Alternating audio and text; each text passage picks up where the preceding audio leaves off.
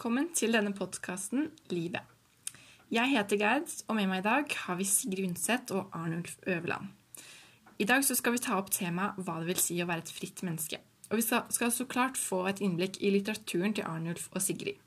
Først og fremst vil jeg bare takke dere for at dere kunne stille opp på den podkasten. Jeg tror nesten alle har hørt om dere to. Men kan ikke dere fortelle litt om hvem dere er? Og kan ikke du starte, Sigrid? Jo, jeg kan starte. Jeg ble født i Danmark, i Kalundborg. Min far var norsk, og mor var dansk. Derfor flyttet vi etter hvert til Oslo. Jeg begynte ikke på skolen før jeg var åtte år, fordi mor underviste meg hjemme først. Da jeg var elleve år, døde min far. Dette var ufattelig trist. Det førte til at vi hadde dårlig økonomi, og selv om mor ønsket at jeg skulle ta en høyere utdannelse, måtte jeg gå på handelsskolen. Dermed ble jeg kontordame, og kunne være forfatter på siden. Tre år etter at jeg ga ut debutromanen min, så kunne jeg bli forfatter på heltid. Livet har ikke alltid vært en dans på roser. Jeg ble gift og fikk tre barn. Vår førstefødte holdt nesten på å dø fra oss, men han klarte seg heldigvis. Datteren vår fikk epilepsi og hadde utviklingshemning. Jeg ble skilt da jeg ønsket å bli katolikk, og før dette levde vi også mye fra hverandre. Livet går ikke alltid slik man tenker seg i første omgang. Nei, det er veldig sant at livet ikke går som man tenker alltid. Dine litterære verk handler ofte om konfliktene knyttet til kvinner som bryter de tradisjonelle kjønnsrollemodellene. Motsetningsforholdet mellom ideal og virkelighet er et tema som ofte går igjen i dine romaner. Vi kan jo ta eh, for oss din gjennombruddsroman 'Jenny'. Det er en historie som finner sted i Roma. Hovedpersonen Jenny både lykkes og mislykkes. Som kunstner lykkes henne, mens hun mislykkes i kjærlighetslivet. Det en, eh, og det er jo dette kjærlighetslivet som det fokuseres på. Først så ignorerer hun vennen og kollegaen Gunnar Heggen fordi deres vennskap og fortrolighet gjør at de ikke ser hverandre som kjærlighetsmateriale. I Roma møter hun Helge Gram, som hun forlover seg med, og siden skilles fra. Senere innleder hun et forhold til Helges far, Gjert Gram. Han er omtenksom og følsom, men preget av sitt tidligere destruktive forhold. Jenny flykter fra Gert da hun venter deres felles barn, og når barnet dør, mister hun livsmotet og avviser Helge når han oppsøker henne. Og romanen den ender med at Jenny tar selvmord. Jeg vil si at denne romanen er ganske så trist og dyster. Og det er i grunnen flere av dine verk. Eh, kan du si noe om hvorfor du skriver slike historier? Eh, vel, altså trilogien eh, Kristin Lavransdatter som jeg vant Nobelprisen for i fjor, der er det sånn at Kristin velger Erlend til tross for at familien ønsker at hun skal gifte seg med Simon. Og i boken jeg skriver, så kommer det tydelig frem at det å velge Erlend, det kommer konsekvenser. Samlivet deres blir veldig stormfullt og vanskelig, og etter hans død vier Kristin livet til kristendommen og dens leveregler, som hun skulle gjort fra starten, mener jeg. Og det jeg ønsker å få frem med historiene jeg skriver, er at ved å velge å leve etter kristne leveregler, vil livet bli best mulig. Da lever du et liv som kan bli best for deg og andre. Et liv der du ikke sårer eller skader andre. De historiene jeg skriver, får, mulig, får frem mulig utfall dersom man ikke lever etter dette. Mm. Interessant. Arnulf, kan ikke du si litt om hvem du er? Som sagt så er mitt navn Arnulf Øverland. Jeg går under titlene forfatter, lyriker, og jeg er en stolt riksmålforkjemper. Det er sånn at jeg ble født i Kristiansund, men vokste opp i Bergen. Da jeg var 15 år gammel, flyttet familien min til Kristiania i 1904. Det var ikke et lett liv. Min far døde da jeg var 17, og da jeg var 22 år gammel, ble jeg lagt inn på Jøsegården sanatorium, som lå i Kongsvinger, pga. at jeg fikk tuberkulose. Det var også dette året min karriere som forfatter og lyriker startet, da jeg utga min første lyrikksamling som het Den ensomme fest. Du har ikke hatt et lett liv, det kan vi jo høre. Det var nok ikke så lett, og, uh, lett under andre verdenskrig heller, da du som forfatter valgte å gi ut motstandsdikt. Både du og din kone ble arrestert i 1941. Kan du fortelle noe mer om det her? Jeg måtte jo selvfølgelig stille meg sterkt imot nazismen, slik enhver nordmann burde gjøre. Det hadde noen konsekvenser man aldri vil ønske seg. Jeg ble jo først satt i Møllergata 19, og der var vi omtrent 550 mennesker, selv om det kun var plass til 145. Det var ikke en god opplevelse, og det skulle heller ikke bli bedre. Jeg ble ført videre til Grini, en fangeleir utenfor Oslo. Etter dette var jeg en av de som ble ført ned til konsentrasjonsleirer i Tyskland. Da satt jeg i Sachsenhausen. Alle disse konsekvensene kom jo fordi jeg utga motstandsdikt, og den viktigste og mest kjente av disse er Du må ikke sove. Dette diktet har jeg selvfølgelig hørt om, og jeg har også hørt det i lyrisk form under en minnestund for terroraksjonen som hendte på Utøya i 2011. Det var sterkt da, og jeg regner med at det var et sterkt budskap da du ga ut dette diktet, og det ble trykt i Den røde front i 1937. Kan du fortelle litt mer om hva du prøvde å formidle med dette diktet? Vel, det er jo egentlig ganske tydelig. På denne tiden var det en utrolig uro i hele Europa, og både nazismen og fascismen vokste frem og fikk større plass i samfunnet. Det var helt forferdelig. Det jeg ville med dette diktet, var å advare folket om det som kom til å komme, og jeg tror det var flere enn meg som kunne merke dette. Det er jo kanskje skummelt å plassere dette ned på papir, men nordmenn kunne ikke fortsette å være likegyldige mot det som ellers hendte i Europa. Jeg sier det ganske klart, gjør jeg ikke? Du må ikke tåle så inderlig vel den urett som ikke rammer deg selv.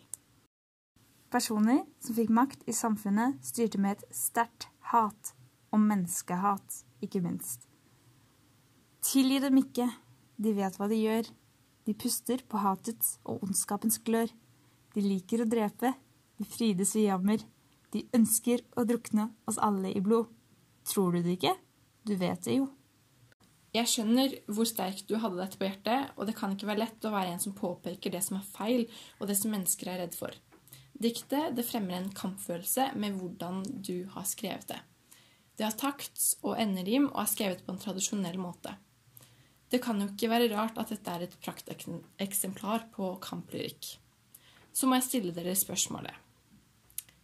Hva mener dere vil si å være et fritt menneske? Arnulf, du kan få starte. Det å være et fritt menneske, i mine øyne, er å få leve livet. La seg styre av sine underbevisste krefter, men så klart å være et godt medmenneske. Ikke bli undertrykt av den strenge kristne seksualmoral og strenge regler som er dannet etter kristne menneskers syn på hvordan livet skal leves. Et liv fylt med mindre angst er viktig for at mennesket skal være fritt. Da må den strenge kristne barneoppdragelsen og seksualmoralen ut av skolen. Fordi nettopp dette skaper at mennesker, fra de vokser opp og hele livet, lever i angst for at deres ønsker eller lyster er feil. Nettopp frykten for å havne i helvete. Jeg er enig at man skal leve livet, men jeg mener at det også bør leves innenfor visse rammer. Jeg tror på Gud, at han har skapt oss med fri vilje. Men det er vår plikt å leve et rettskaffent og ærlig liv. Bibelen forteller oss hvordan vi bør leve, det som står der, danner grunnlaget for hvordan man kan leve best mulig for deg selv og for andre mennesker rundt deg. Jeg vet ikke om dere har hørt om Sigmund Freud og psykoanalysen. Freud er iallfall en østerriksk lege.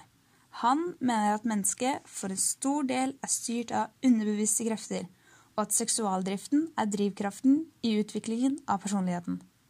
Det å undertrykke eller hemme disse driftene og lystene vil føre til hemninger som angst, nevroser og psykose. Jeg mener derfor at barndommen ikke bør være preget av en streng og undertrykkende oppdragelse, noe jeg synes det høres ut som du fører dine barn inn i, Sigrid. Nå har det seg sånn at jeg har tre barn. Hvor mange har du, Arnulf? Ingen, nei. Og sånn er det når du ikke klarer å holde deg til én kvinne. Det virker som at jeg har glemt at ekteskapet faktisk er hellig, og at det ikke skal brytes her i Øverland. Hvordan kan de da ha noe innsyn i hvordan barneoppdragelsen skal være? I motsetning til deg er jeg vokst opp i en streng kristen lære fra jeg ble født. Jeg har selv erfart hvordan det er å vokse opp under kristen barneoppdragelse. Ja, for kristendommen, den tiende landplage, er et foredrag du har skrevet, Arnulf. Og denne har fått svært stor kritikk, og som jeg har forstått, har den vært veldig provoserende for kristne. Du ble til og med tiltatt for blasfemi, Guds bespottelse. Når du holdt dette i 1933, sa du til slutt den niende landeplaget som Gud sendte menneskene, var et tykt mørke. Det lå over Egypt i tre dager. Den tiende landplaget var et mørke som bredte seg over hele Europa og Amerika, og det har vart i 1900 år. Og det kan være nok. Forstår du hvorfor du blir beskyldt for blasfemi? Ja, jeg ble beskyldt for blasfemi. Og for noen kan kanskje det jeg talte om i foredraget virke provoserende. Men jeg, likt alle andre mennesker, har en ytringsfrihet, og det gjør at jeg kan fortelle det jeg vil om kristendommen. Det må frem i lyset hvilket mørke kristendommen fører til Europa, og ikke minst til Norge. Som sagt tidligere har jeg blitt oppdratt i et kristent hjem. Jeg har lært meg bibelvers og kristen poesi fra ung alder av. Denne kristne lærer burde jo ruste meg for livet, men jeg fikk ikke lov å stille spørsmål om noe som ble skrevet i denne boka. Hvorfor følge en tro der den allvitende Gud allerede har planlagt alt? At han allerede vet hvilke synder mennesket skal utføre, og likevel så blir han sur og straffer disse menneskene med et evig helvete. I 4000 år var det så enkelt. Men Gud er jo så god, det har vi jo lært. Dermed kunne han sende sin sønn ned til jorden for at den skulle bli hengt på korset. Han hadde ikke gjort noe galt, men det var jo da for vår skyld. Og disse menneskene, som egentlig begikk den største av alle synder, skulle da få lov til å bli velsignet. Dette var fordi Gud valgte å gjøre dette, sende sin egen sønn, men 4000 år etter at han valgte å skape jorden. Han kunne jo gjort alt dette før, men det ville han ikke, så da ble det slik. Sigrid, du er jo kristen, og jeg kan tenke meg at foredraget til Arnulf kan være provoserende for deg. Hva vil du si om dette? Provoserende er vel å si det pent. Det er heller mer ekstremt provoserende. For når han nevner i foredraget sitt følgende Den vemmelige kannibalske magi praktiseres en dag i dag. Men man kan ikke bekvemme seg til å delta i den. Da er man frelst. Da kan man tillate seg nær, nær sagt hvilken som helst kjendighet bare man ber til Gud etterpå. Det her er bare satt helt ut av kontekst.